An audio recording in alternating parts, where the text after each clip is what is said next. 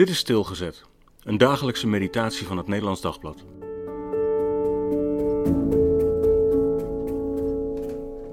Onaf. Efeziërs 2, vers 22. Vanuit hem groeit het hele gebouw, steen voor steen, uit tot een tempel waar God woont door zijn geest. Wie een tempel wil bouwen, moet eerst door een heleboel bouwrommel heen. Pas als het hele complex klaar is en de laatste bouwspullen opgeruimd zijn, kan de tempel worden ingewijd. Zo ging het ook bij de tempel van Salomo. Pas toen de ark op zijn plaats was gezet, vulde Gods majesteit de tempel in een dichte wolk. Maar bij de grootste tempel van de geschiedenis gaat het anders. Deze tempel bestaat uit levende stenen, aan wie een leven lang gebeiteld wordt. Maar vanaf het allereerste begin vult Gods geest dit gebouw.